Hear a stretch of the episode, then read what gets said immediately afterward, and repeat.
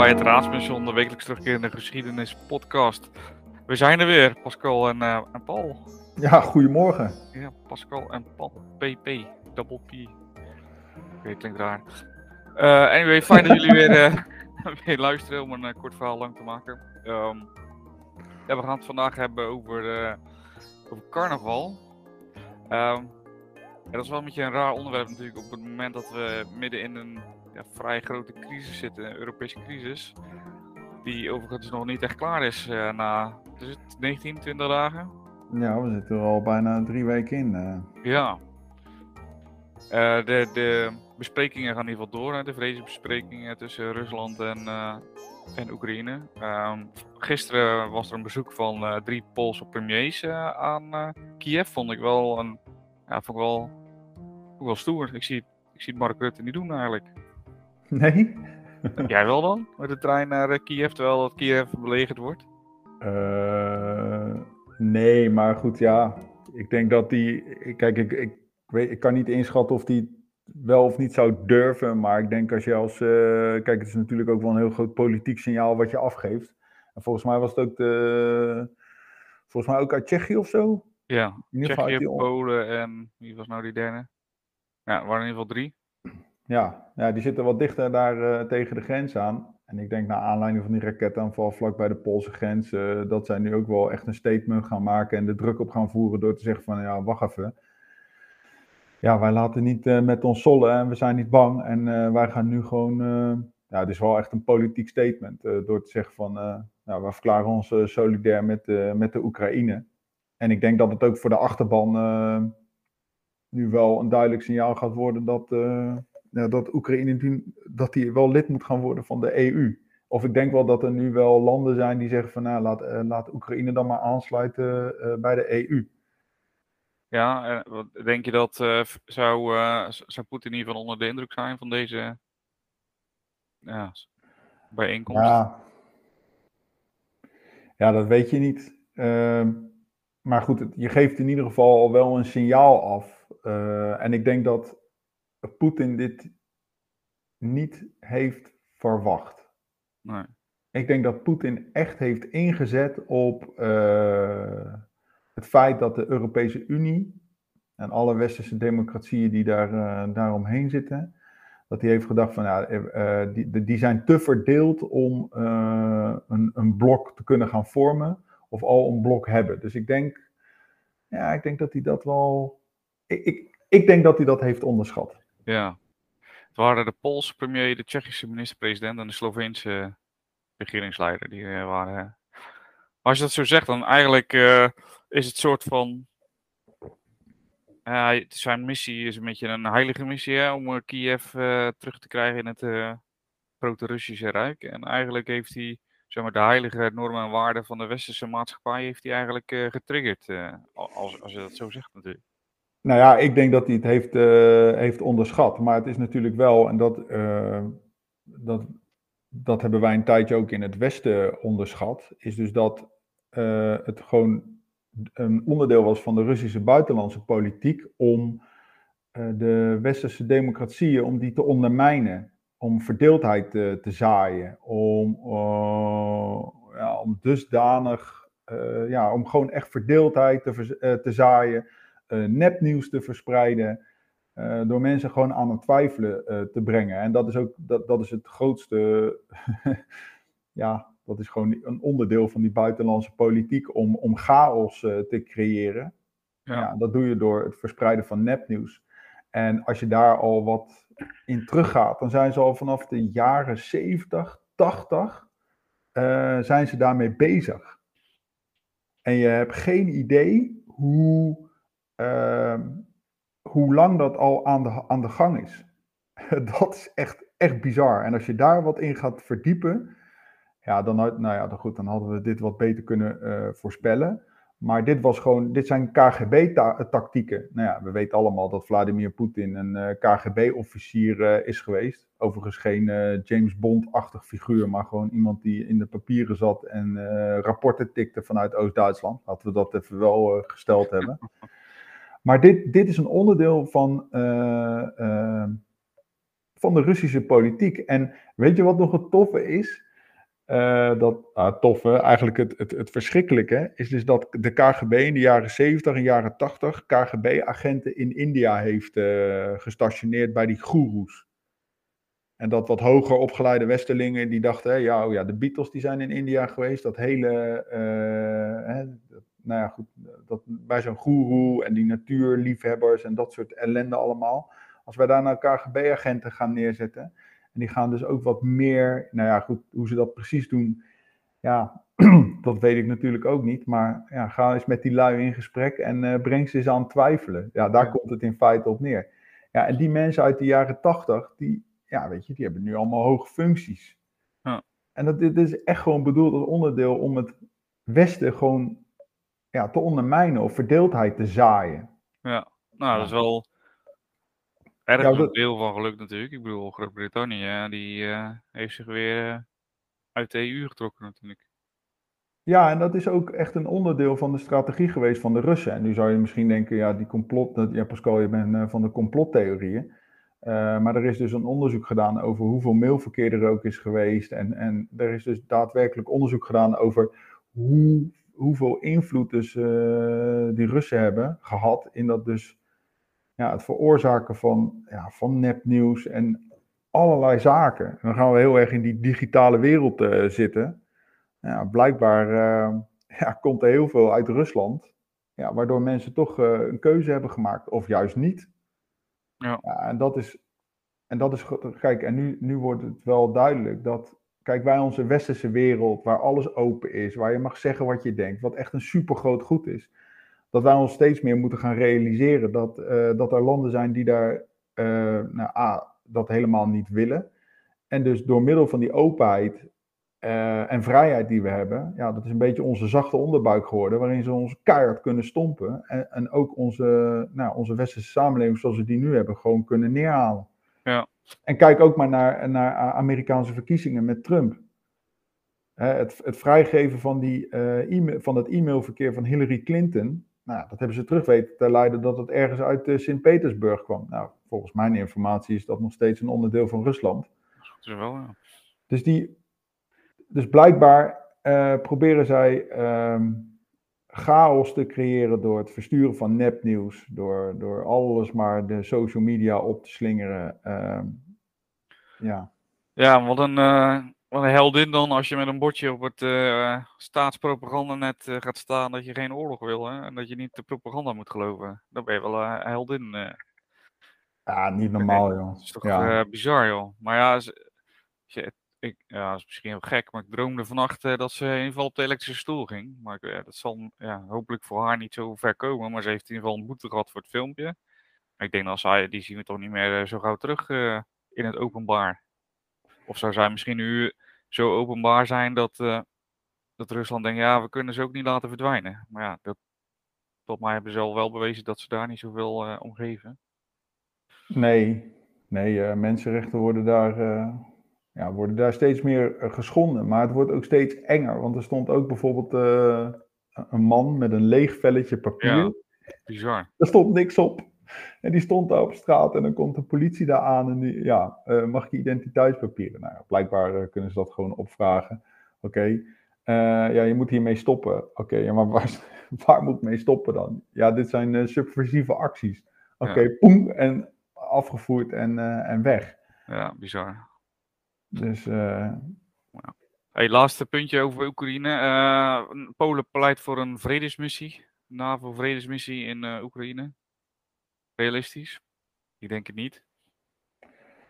Nou ja, goed, als het eenzelfde vredesmissie wordt zoals de Russen het bedoeld hebben met een uh, vredesmissie, dan. Uh, ja, nou ja, goed, dan. Uh, ja, nou ja, ik denk niet dat dat realistisch is. Ik bedoel, wat wil je, wat, kijk, wat wil je uiteindelijk mee bereiken?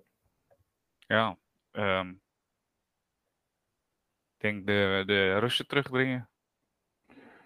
Ja, ja dan dan, dan, dan is het een conflict. Want als je dat uh, militair wil gaan doen, dan. Uh, ja, en dan. Kijk, en als het dan. Ook al is volgens mij onder de norm van een vredesmissie. Kijk, als Poolse eenheden de Oekraïnse grens overgaan. en die worden aangevallen. Dan wordt het wel een heel lastig iets. Want dan, worden dus, dan is dus een NAVO-partner wordt dus aangevallen. Of raakt in conflict. Ja, en dan. hij pleit voor een vredesmissie van de NAVO, uh, mogelijk met een bredere internationale structuur, maar in ieder geval een missie die zichzelf kan verdedigen en op Oekraïns grondgebied zal opereren. Dus dat is wel, uh, ja, wat je zegt, hè, dat is dan wel al oud eigenlijk een beetje. Hè? als je aangevallen wordt, dan ga je dus jezelf verdedigen. Ja, en, en, en dan zit je er wel in gewapend conflict met de Russen. Ja, maar ja, dan, uh, het klinkt me nog allemaal veel, het klinkt me allemaal nog best wel vaag hoor. Want eh, kijk, welk mandaat ga je dan meekrijgen? Ja. Eh, inderdaad, wat, wat is dan mezelf verdedigen? Ja, als ik word aangevallen, oké.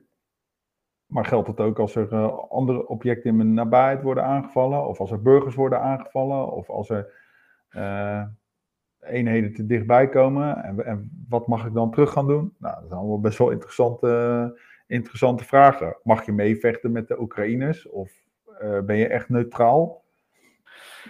Ja, dat, uh, dat, dat is uh, de vraag wat Polen daar natuurlijk mee bedoelt. Maar ja, maar wat, ehm, ja, ik weet het niet. Ik vind het toch wel lastig om, om, om, om het aan te zien zonder dat we ingrijpen.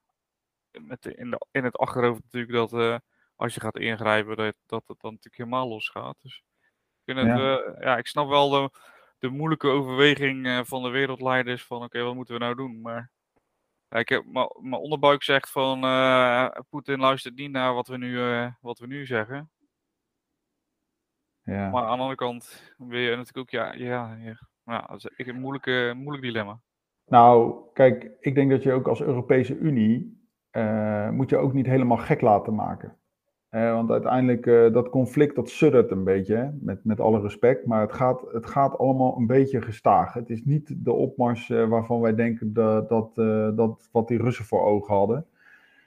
Ja, dit is gewoon om aan de onderhandelingstafel te gaan komen en, en, afspraken te gaan maken. Ja, en nogmaals, je moet je als EU niet in de kaart laten kijken. Ja, ja, hoe ga je hier tegen optreden? kijk, wil jij je laten meeslepen in zo'n oorlog? Dat is ook nog eens een overweging. Hè? Want het moment als je de troepen gaat sturen, ja, hoe lang ga je daar dan ook blijven? En, en hoe, hoe, gaat dat, hoe, hoe wil je dat conflict dan verder, uh, hoe wil je dat dan, dan gaan oplossen? Want wat is dan je endstate? Hè, wil je dan die Russen terug gaan drijven of wat, wat wil je gaan doen? Ja, ik denk dat, nog, ja, ik denk dat Rusland hier, uh, ja, ik vind het ook denk ik even wel prima zo. Uh, ja, er zijn wel wat gevechten. Nou, ik denk dat Oekraïne ook niet in staat is om ze echt terug te dringen. Dus ze kunnen ze ook niet verslaan. Maar ja, aan de andere kant, uh, uh, ja, dat, dit, dit, dit zorgt er wel voor dat je kan, kan blijven onderhandelen. Want we moeten nu wel met de Russen, of met de, ja, we moeten nu wel met de Russen gaan praten als Europese Unie. Ja. Ik vind het interessanter om te zien hoe uh, Finland nou. nu echt serieus pogingen doet om lid te worden van de, van de NATO. Nou, die zijn nog niet in conflict maar hebben nu wel serieus de overweging om te zeggen, ja, wij, wij willen lid worden van de NATO. Ja, hoe gaat uh, Rusland daar dan weer op, uh, op reageren? Ja, dat is eigenlijk het enige uh, buurland van Rusland wat nog niet in conflict is eigenlijk, hè? naast Belarus natuurlijk, en, maar, en ook geen lid is van de NAVO. Nee. Dus dat nee, is ja. wel, ik geloof dat 62% van de bevolking was in ieder geval voor toetreding tot de NAVO. In, ja. in, ten opzichte van, uh, ik dacht 12% nog niet zo heel lang geleden. Oké. Okay, ja. Dus dat is wel een snelle kentering in, de, in het gedachtegoed van de Fin. Finnen. Finlanders. Finnen. Suomi. Maar goed, eh, ja, weet je, en aan de andere kant, we moeten ons ook niet gek laten maken. En uh, weet je, als ik nu al dat nieuws op, uh, hier op tv ook voorbij zie komen en radio. Nou, ik, ik zal je vertellen, ik zat gisteren in de tram. En daar zit dan een vrouw en ik weet niet wie ze was, maar ik dacht, ja, weet je, uh, het is echt niet handig om zo'n gesprek in de tram te voeren. Dat gesprek ging over inzet, ik weet niet of zij was of van de gemeente of van een bureau, dat weet ik niet, maar in ieder geval ze hadden contact met Defensie, waar dus uit bleek dat wij dus niet goed zijn voorbereid als er kernwapens gaan vallen. Ongelooflijk. Dat gesprek voer je in de tram. Nou, ik zou zeggen, mevrouw, doe dat. Ja, ik keek al een keer om dat ik dacht van, ja, hou even je bek of ga, ga, doe dit buiten. Want ook als andere, weet je, je ben je gewoon niet bewust van uh, het, het, het gevaar wat in zulke gesprekken ook schuil gaat. Weet je, als iemand verkeerd dit opvangt, stel je voor ik ben een uh, Russische FSB-agent of zo. Ja, Ja, dan zal het allemaal nog niet eh, heel ernstig zijn. Maar het gaat er gewoon om dat, dat je er openlijk zo'n gesprek voert. Dat, dat je dus openlijk zegt in een tram. Ja, oh ja, defensie is niet. eh, ja, er zijn geen plannen voor. A, nou, dat weet je helemaal niet. En B, ja, we gaan er dus nu in één keer van uit dat er eh, kernwapens worden ingezet op, op Europese steden. Dat, dat is wat ik een beetje uit, uit denk. Dan denk ik, ja jongens, doe even rustig. Doe even rustig. Ja, maar sowieso stoor ik me aan eh, die gesprekken die eh, in het openbaar vervoer, openbaar gedaan worden. Maar ik heb altijd het, de pech, of ik nou in een restaurant zit, of ik zit in een, in een trein of een metro. Altijd zit er bij mij in de buurt zit er iemand die ontiegelijk veel teringherrie zit te maken. En dat is niet normaal. Ik weet niet of ik er aantrek of dat het misschien gewoon een soort regel is. Dat als je in het openbaar vervoer zit, dat er een of andere maloot naast je eh, gaat zitten bellen. Op, eh, ook nog eens op de speaker bellen. Daar heb ik ook zo hekel aan. Eh, maar ik heb het altijd. Ook in een restaurant, daar zitten mensen echt te, gillen alsof ze, alsof ze naar de andere kant van de zaak aan het communiceren zijn of zo. En dan Ja, denk ik, maar- ja, ik heb ja, jij- interesse in jouw gesprek, joh. Wat, Maar ja, vind- ja, de McDonald's is voor jou ook uit eten, dus begrijp ik. Nee, ik zat, eh, ik zat hier in Dort eh, bij Boekbands. Dat is best wel, eh, nou, het is geen chique restaurant, maar ik moest toch 90 euro aftikken. Dus dat vind ik toch wel iets meer dan McDonald's, zeg maar. Ja, ja. Met in je eentje of met z'n tweeën? Nee, ik ga er niet meer eentje uit eten, man. Weet ik veel. Ik ben toch geen pannenkoek. Dat kan misschien ook leuk zijn, maar eh, ik Flesje wijn erbij, hè? ja. in je eentje. heb Lachen, wel altijd wat te vertellen tegen mezelf, dus eh, dat komt dan wel goed. Oh, Maar, oh.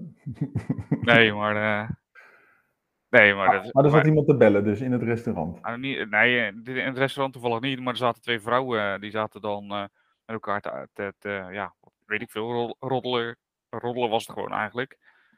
En die praten dan zo hard alsof, alsof iedereen moet horen of zo, weet je wel. Ik ben helemaal niet geïnteresseerd in jouw roddelpraat. Nee, ja, maar, ja, weet je, ik heb het idee dat mensen zich gewoon helemaal niet meer bewust zijn van wat er allemaal om zich heen gebeurt. Nou, misschien, Want ik- nee. Ik heb daar namelijk ook, eh, nou, ik heb er last van. Ja, ik reis echt heel vaak met het openbaar vervoer. En dan eh, doe ik ook eh, eerste klas. ik doe tegenwoordig gewoon ook eerste klas reizen. Ja, ik, ga, ik. ga niet meer bij het plebs in de tweede, want er zitten allemaal, ja, er zitten allemaal lui. Zitten, ik, ik had het laatst ook, maar ik mag me, van mijn vriendin mag ik me er nooit mee bemoeien. En dat heeft ook wel een punt hoor. Maar ik zat dus ook laatst in de, ik heb er dus ook last van. Ik zit dan laatst in de trein en dan zit er een, eh, een fan, het zat wel in de tweede klas. En dan zit er een fan naast me, ja, jonge vent. En die zit dan een computerspelletje te spelen. Op zijn telefoon. En dat is helemaal prima, maar zonder oordoppen in, weet je wel. Dus je zit de hele tijd naar, naar Space Invaders. Poe, poe, poe, tjoe, tjoe. Door die hele, door die hele eh, eh, tweede klas coupé. En toen Ja. dacht ik inderdaad van, oké, Pascal, je bent lekker op weg naar Zwolle. Doe lekker relaxed. Je hebt lekker een weekendje vrij. Stoor je er niet aan.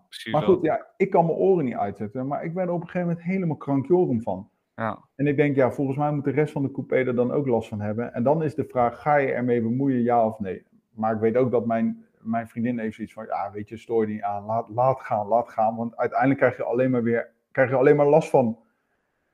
Maar ik dacht op een gegeven moment, ja, wacht even. Ik heb hier last van. Ik vraag hier niet om. Dus ik Ja. geef die gozer zo een tikkie. Zo, hé. Hey. Ik had hem al een paar keer aangekeken voor, joh, doe even dat ding uit. Of doe het zachter, of weet ik veel wat. En ik gaf hem zo'n tikkie en hij schrok en hij keek me zo aan. Ik zei, hey man, ik zeg, kan het alsjeblieft even een stukje zachter? Ik zeg, ik vraag er niet om om hier naar te luisteren. Eh, ah, en hij, oh, oh, sorry, sorry. Toen dook hij helemaal, ik had ook anders af kunnen lopen hoor. Ja. Maar eh dook hij in elkaar. Maar weet je, het gaat helemaal niet eens bewust van het feit dat, eh, dat, hij, dat hij zoveel herrie maakt. Toen dacht ik, ja, weet je, volgens mij zitten we allemaal veel te veel in elkaars bubbel. Ja. Ja, ik doe het nu tegenwoordig zo. Ik heb oordopjes gekocht. Ik ga podcast luisteren. Ik ga gewoon, eh, weet je, ik sluit me er gewoon voor af. En dat doet uiteindelijk nu iedereen. Ja, en dat geeft ook wel weer ruimte voor anderen om te denken van, eh, ja, prima. Als niemand er wat van zegt, kan ik gewoon of met mijn voet op de bank zitten. Oh, ja. Of eh, ja, gewoon, ja. Ja. gewoon, ik mag er zijn. Ik mag er zijn in de trein. Ja, nou, maar ik herken het, ik herken, herken het wel, even heel kort nog. Als mijn vrouw, die kijkt dan naar mij en die ziet mijn gezicht en die zegt dan, ja, maak je niet druk. Maar dan is het te laat, hè. Als hij zegt, maak je niet druk, dan triggert er bij mij een soort visueuze cirkel, dat ik En dan, ik weet niet, ik probeer het. eh, Normaal kan ik me best wel afsluiten, maar op het moment dat zoiets gezegd wordt, dan gaan mijn, mijn zintuigen die gaan harder aan of zo. Ik weet het niet. En dan elk geluidje wat ik dan hoor, daar, daar stoor ik me zo kapot aan dat ik echt helemaal zit op te vreten. En dat is dan zo'n visueuze cirkel, waar ik echt heel moeilijk uitkom, tenzij ik zelf dan inderdaad muziek ga zitten luisteren of zo. Maar jeetje man, wat denk ik van, nou, doe even normaal. Je hebt toch medereizigers? Ik hoef niet te weten dat jij naar een feestje gaat en dat, eh, dat Dylan ziek is en dat eh Sjaak, weet ik veel wat, syphilis heeft. Interesseert mij geen ene reet man. Je gaat er niet met z'n tweeën op uh, handsfree te bellen. Waar ben je voor pannenkoek? Maar goed. Oké, dat was even frustratie van mij uit. Laten we even iets leuks. eh,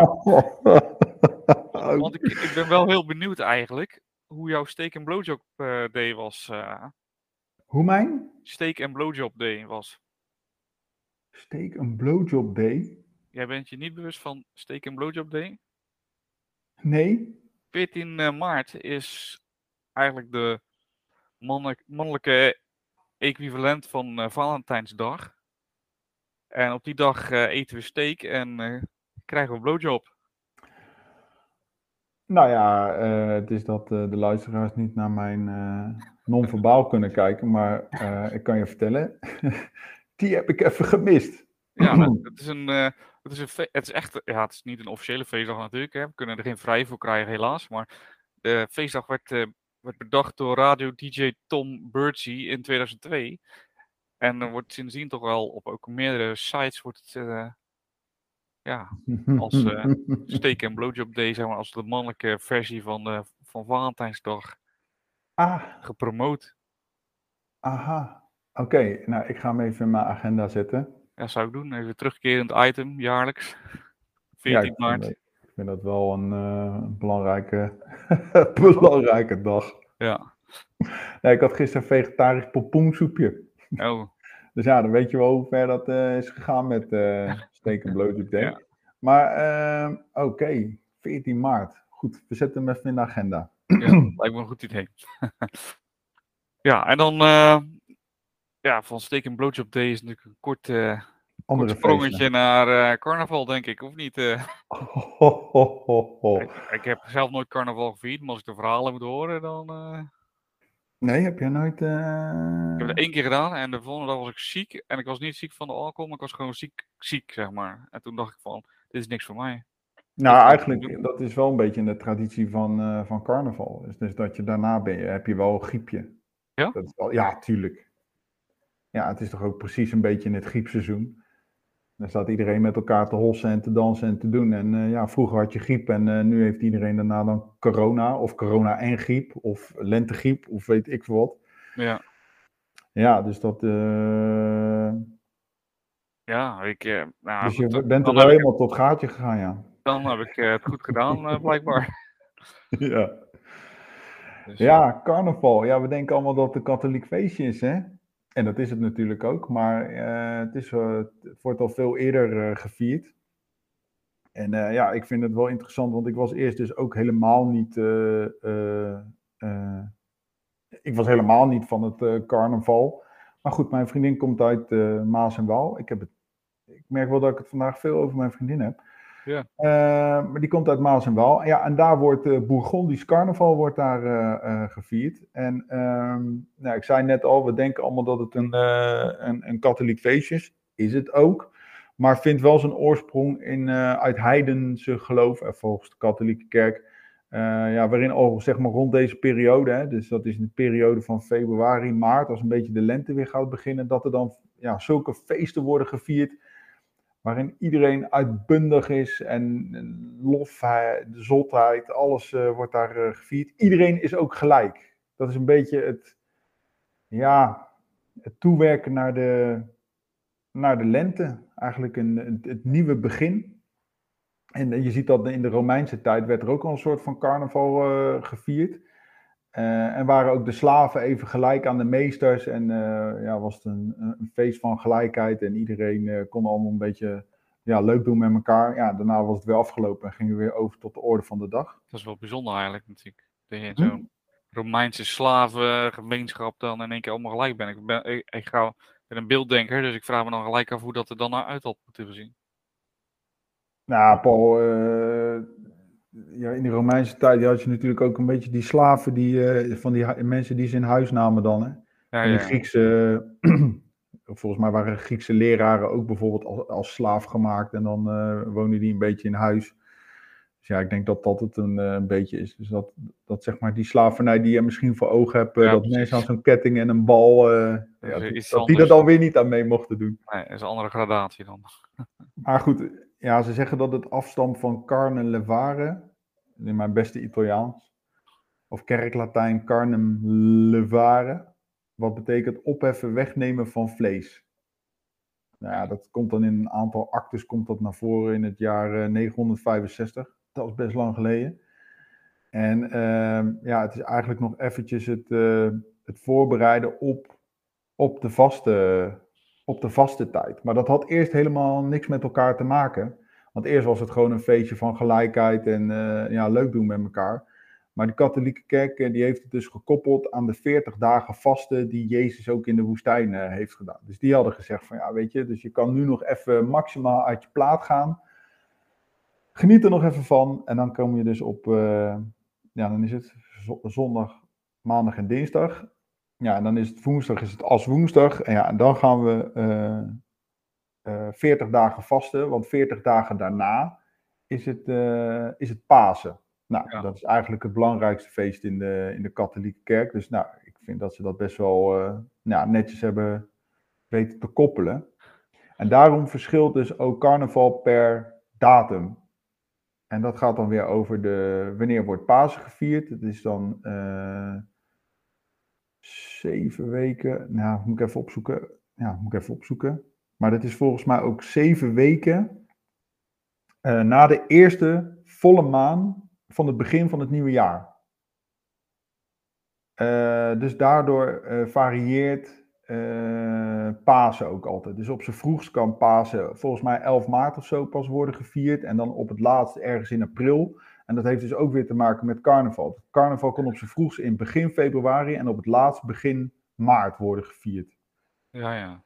Nou, en dan, uh, ja, dan is het natuurlijk uh, uh, feesten, maar ik vind die koppeling vind ik echt briljant. Dan denk ik, ja, verdorie, wie heeft dat nou weer zo verzonnen, joh? Ja, zo werd het een beetje gevierd door de katholieke kerk. Maar ja, dan krijg je in de geschiedenis krijg je toch die reformatie, hè? terug weer naar het begin. Even normaal doen. Johannes Calvijn, je kent ze wel. En die zeggen op een gegeven moment van, ja, daar moeten we even helemaal mee, uh, mee gaan stoppen. Dus het raakt een beetje in de vergetelheid. Het wordt een beetje weggedrukt.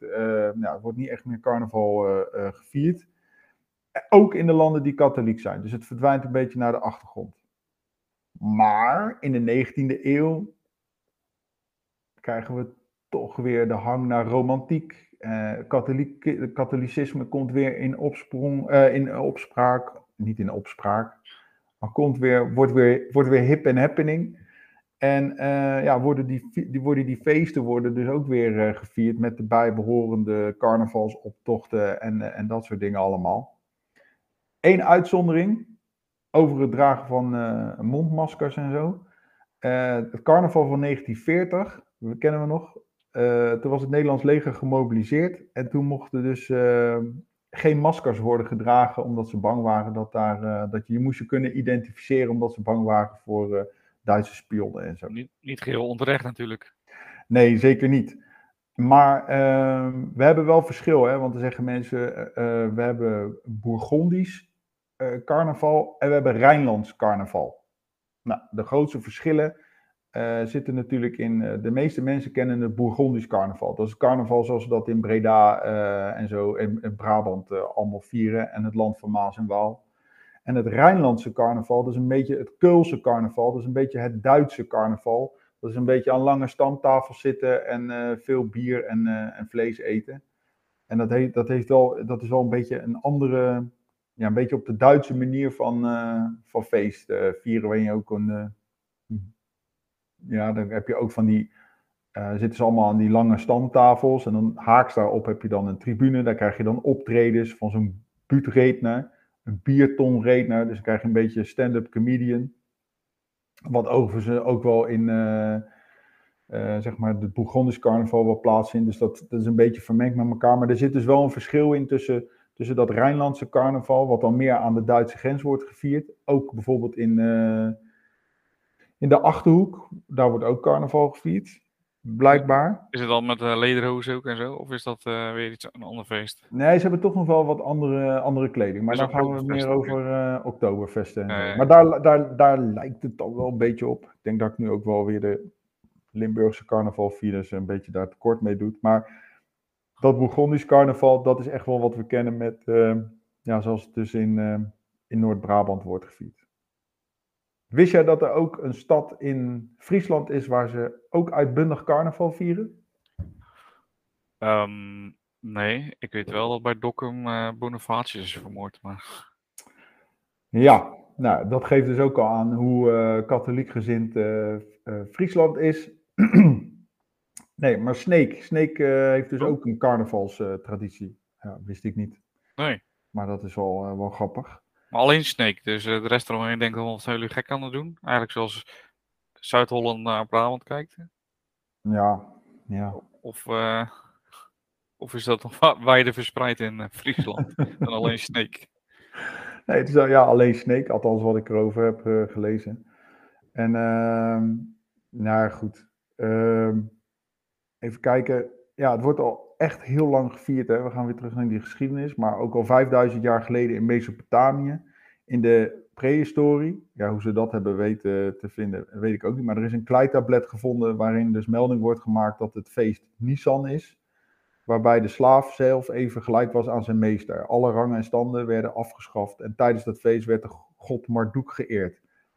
Ja, dan, uh, ja, dan gaat het nog zo eventjes door. Dus het is al echt heel erg lang. En het komt in alle tradities komt het dus ook voor. Hè? In de Joodse cultuur heb je het Purimfeest, oftewel het Loofhuttenfeest. Uh, heeft ook overeenkomsten met het huidige carnaval. En uh, ja, de Romeinen deden het dus ook al. Uh, deden dat dus ook al. Ehm, nou, katholieken nemen het dus over. Um, ja, het bestaat dus eigenlijk al heel lang. Dus ik vind het wel grappig dat het dus ergens iets in ons mens zit. Wat vindt dat wij als het uh, lente wordt, dat we dan een uh, soort van uh, feestje moeten vieren. Ja. Nou, eigenlijk heb je dan wel een soort connectie tussen steek en blowjob day, toch? Ja. Dus in de lente. De start de lente, steek en blowjob. En daarna ja, weer 364 dagen vasten. Ja. Je een nieuwe ja. krijgt, een steek de, bedoel. Een steekie. Ja. Ja, hey, joh, maar goed, even kijken hoor, want ik, ik zal nog eens... Wat, maar dat vast, ja? hè, dat, want mijn oma doet dat ook. nou, zal met haar bijna 90 jaar niet meer gaan carnavallen en zich verkleden, maar ze doet wel dat vaste op Pasen. Ja, mijn oma is ook niet katholiek, dus dat zal er waarschijnlijk ook mee te maken dat ze, dat ze geen carnaval doet. Maar zij eet dan eigenlijk geen geen lekkere dingen meer. Dus ze eet wel gewoon standaard, een boterham bijvoorbeeld, of uh, wat te eten. Maar ze doet niet. Kijk, als ik aan vasten denk, denk ik natuurlijk aan uh, de Ramadan. Uh, waarbij je dan tussen zonsopkomst, zonsondergang niet eet. Mm -hmm. Maar dat is, dat, is, dat is het natuurlijk niet, vol, hè, toch? Of zie ik dat verkeerd? Nee, maar ja, uiteindelijk heeft ja, die Mohammed heeft natuurlijk ook even door de woestijn gezworven. ja, dat heeft wel met elkaar te maken, ja. Ja, dat, ja, dat is natuurlijk ook, ja goed, uh, hoe, dan wordt het natuurlijk, uh, wie, was het, wie was als eerste die dat uh, heeft gedaan? Nou ja, goed, als we even chronologisch kijken, dan ja, was Jezus daar eerder. ja, Mohammed heeft het, daar, die heeft daarna een keer ook gedaan. Ja, je ziet dat de katholieke kerk feesten van een ander overneemt. Of feesten of gebruiken overneemt. Hè, dat, ja, heel veel uh, christelijke katholieke feestdagen zijn natuurlijk gewoon overgenomen van heidense feestdagen. Dus. Ja, dat is een mooi begrip, hè? Syncretisme. Ja. Uh, gebruiken van een ander overnemen voor je eigen geloof. Nou, dat is ijzer, ijzersterke formule. Uh, en ja, en als je nu naar hedendaagse carnaval kijkt, kijk, vooral de mensen dus uit het, uit het westen die denken, ja, we gaan even drie dagen gaan we helemaal stuk en gaan we even lekker zuipen en zo. Maar het is wel meer dan dat. Uh, en daar, daar werd ik me wel van bewust toen ik in Maas en Waal carnaval ging vieren. Daar is een carnavalsvereniging. Uh, ja, die, die, maakte dus wel een feest van. En het is ook gewoon gebaseerd op gelijkheid. Dat is ook waarom de burgemeester de sleutel geeft aan, uh, aan, aan, aan de prins. En uh, ja, het is dus een feest voor gelijken. Iedereen is op dat moment dan ook gelijk. En daarom gaan mensen zich ook uit, uitbundig verkleden. Nou, je ziet wel dat dan bijvoorbeeld in Den Bosch, uh, dragen ze allemaal een kiel. Ja, dat komt ook weer voort uit een tijd dat mensen weinig geld hadden om zich te kunnen verkleden. Dus nou wat doen we dan? Dan trekken we allemaal maar een kiel aan. Nou, ook een soort van Uiteindelijk moeten er op die kiel dan allemaal weer padjes worden genaaid om, te, om weer toegang te kunnen krijgen tot een bepaalde kroeg. Dus nou, daar ga je weer met je gelijkheid. Maar ja, dat heb ik ook weer gehoord. Is het ook weer om bepaalde lui weer buiten te sluiten. Uh, maar als je kijkt in de dorpen met zo'n Prins Carnaval, met zo'n heel ritueel van bij elkaar komen, van feest en gezelligheid. En ook wat ik het meest belangrijk vind, is dat er dus ook aandacht is voor de, uh, nou ja, voor, gewoon voor alle medemensen in zo'n dorp, in zo'n gemeente. Zo'n Prins Carnaval gaat bijvoorbeeld naar het, uh, het bejaardentehuis, gaat daar uh, de mensen allemaal gedag zeggen. En zorgen ervoor dat dus ja, die mensen die het, die het allemaal een beetje zwaar hebben, dat die ook, ook een leuke uh, middag krijgen. Nou, en dan is dat wel zeg maar ter bevordering van zo de cohesie in zo'n gemeente. Nou, dan vind ik dat wel heel erg leuk om te zien. Heel sociaal dus ja, het is echt een heel sociaal en een leuk feest waar iedereen gewoon uh, ja, plezier met elkaar kan, kan maken. Ja, en dan is het, dan is het klaar. Dan is het als woensdag. En dan. en dan haven we elkaar weer. Is het haring wit brood of nog één keer vet eten? Ja, dat komt natuurlijk ook nog een keer uit het feit dat alle voorraden die je in de winter hebt gemaakt van vroeger ja, die moeten ook op worden gemaakt, want anders gaat het, uh, anders gaat het verrotten door de, door de hogere temperaturen die er aankomen. Ja, we gaan 40 dagen vasten, ja, dan is het Pasen. Ja, en dan uh, kunnen we ons weer opmaken voor de, voor de zomer. Mooi. Toch? Ja, klinkt goed. Ja, ik vind het, uh, ik vind het wel een mooi feest. Nou, mooi. Ja, ik, uh, nou, het is wel mooi dat er natuurlijk zo'n heel gedachtegoed achter zit. Hè? Dat is wat je natuurlijk niet altijd. Uh, nou ja, hebt. ik denk dat nu, heden ten dagen, het teruggrijpen op rituelen en gebruiken, dat dat best wel een belangrijk onderdeel is van de samenleving, wat we een beetje uit het oog zijn verloren. Ja. Want waarom vieren we überhaupt nog carnaval? Weet je, kijk, nu als je denkt, de meeste mensen vragen, ja, waarom ga ik carnaval vieren? Ja, ga ik me verkleden en dan uh, ga ik lekker zuipen. En uh, nou ja, als ik wat kan scoren, dan kan ik, uh, kan ik wat scoren. Dat is dan de algehele gedachte, want we kunnen helemaal los. Maar ergens is het daar ook niet voor, voor bedoeld.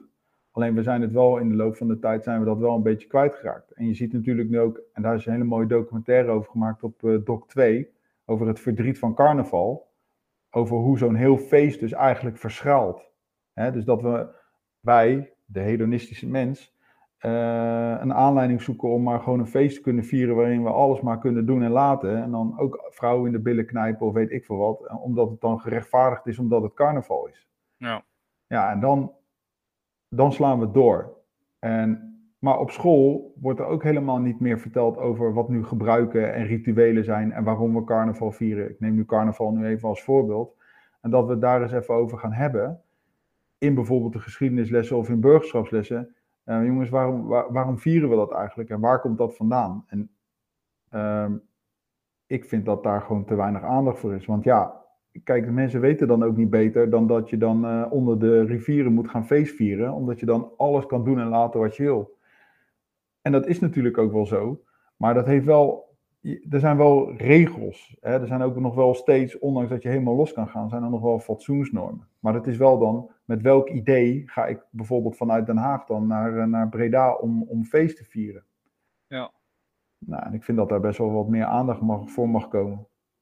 Nou, vind ik, uh, vind ik een mooi statement. Ik denk dat het sowieso wel gebleken is dat. Uh, hebben we voor mij al een paar keer vast, vastgesteld dat het belangrijk is dat we geschiedenis gewoon uh, iets meer gaan geven op de scholen om te begrijpen waar je vandaan komt en wat de redeneringen zijn. Ja, in deze, vooral ook in deze situatie, maak ik ook weer het, uh, het, bruggetje naar.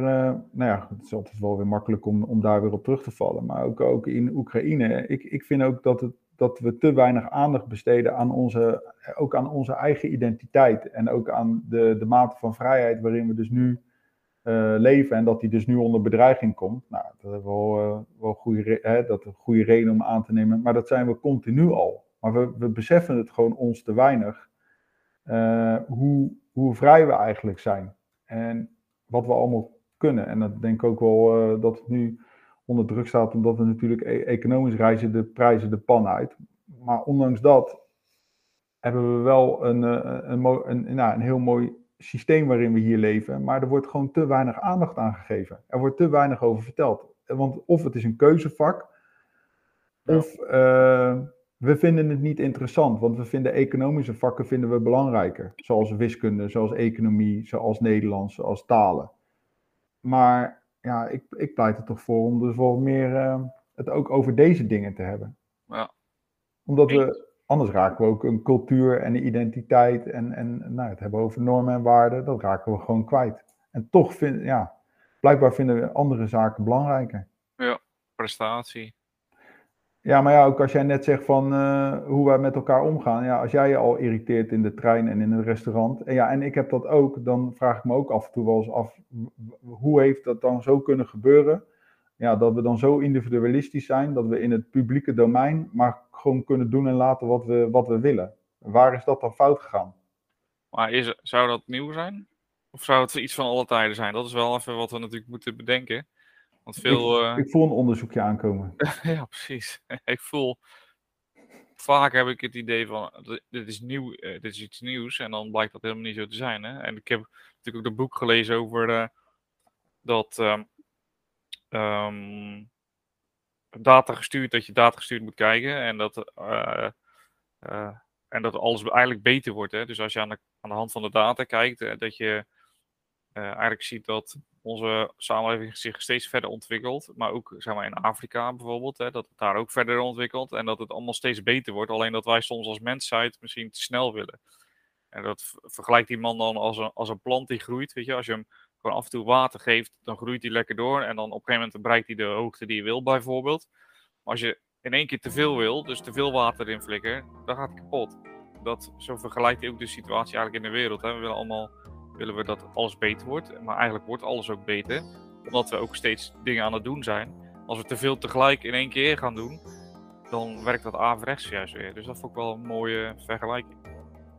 Dus misschien uh, gaat helemaal niet zo slecht met de wereld als wij denken. En irriteren wij ons gewoon aan dingen waar ze zich uh, 70 jaar geleden ook aan uh, irriteren. 70, 60, 30, 20. Ja, oh ja, dat denk ik dan ook. Maar toen hadden ze geen iPhone. Nee, precies. Toen was, toen was er geen TikTok uh, met geluid. Oké, okay, ik maak me alweer veel te druk, joh. Dat is het gewoon. Dat doen, ja, doen we al, ons allebei. maar bij mij komt het ook allemaal gewoon zo hard binnen. Ja, misschien is dat het dan ook wel. Dan denk ik, ja. Ja. Gedraag je even. Kom op. Ja. Denk even aan anderen. Denk dan. Ja. Je bent niet alleen in de trein, toch? Nee, het wordt steeds drukker in de trein, uh, aangezien uh, de energieprijs allemaal weer omhoog gaan voor wat betreft uh, benzine. Maar ik heb, dat, ik heb dat ook met. als ik boodschappen aan het doen ben. En mijn vrouw loopt op met een karretje. Dan stopt ze gewoon midden op het pad in één keer. En dan wil ze iets pakken uit het schap. Ik denk dan bij mezelf: stap even opzij. Kunnen andere mensen er gewoon door. Maar ik weet niet of jij dat ook hebt. Nee, ik doe altijd alleen boodschappen. Ja, precies. Nu, dat is misschien ook handiger, want nu wordt het wel een psychologische podcast. Oké, okay. nou, uh, ik vond het interessant. Um, ik heb misschien wel een leuk onderwerp voor volgende week. Ja, leuk, weet ik niet. Een, een, onderwerp voor volgende week. Ik vind het wel een interessant onderwerp. Want schijnbaar heeft uh, Stalin in 1952 uh, geopperd om van Duitsland een neutrale staat te maken. een eenheidsstaat, maar dan wel een neutrale staat eigenlijk vergelijkbaar met wat Rusland nu met Oekraïne natuurlijk wil. Mm -hmm. uh, dus ik dacht, nou, misschien is het wel interessant om eens even erin te duiken. Hoe het kan dat dus, uh, ja, wat eigenlijk de beweegredenen waren toen de tijd. En wat de reactie was van het Westen toen de tijd op uh, de eenwording van Duitsland in 1952, maar dan als neutrale staat. Is dat misschien leuk onderwerp? Ja, zeker. Ja, nee, ik, ja, interessant. Zeker. Ja, zal ik dat ook dan doen? Of, uh... Ja, is goed. Leuk. dat is goed, man. Oké, dan eh, wil ik jullie allemaal weer bedanken eh, voor het, voor het luisteren. Hopelijk dat jullie nu met andere ideeën naar carnaval kijken. Luisteren. Als je vrouw bent die je luistert, dan is er ook een speciale dag. Dus misschien is het wel een hier ook. Ehm, en dat is namelijk Cake en Kunnelings Kunnelingus Day. Dat is op 14 april. En dan mag je dus ja, de vrouw in het zonnetje zetten. Oké. Okay. Ik ben er even helemaal stil van. Nou, waar, hoe kom jij hier allemaal bij, joh? Waar, waar, waar, waar, hoe kan het dat ik dit allemaal mis? um, dat is uh, een goede vraag. Ik ga, ja, oké, okay, ik ga wel, de, ik ga wel eens even kijken op welke. Uh, Oké, okay, ik, ga, ik, ik ga er me daar eens even in verdiepen. Ja, dat lijkt me een goed idee. Oké. Okay. Mocht je nog vragen hebben, stuur ze dan naar geschiedenis.paulushistoricus.nl of vind ons, uh, inmiddels ons op een van de socials. En ja. uh, dan horen jullie ons volgende week weer. Top. Ga ik nou even stemmen. Goed idee. Later. Yo. Hoi.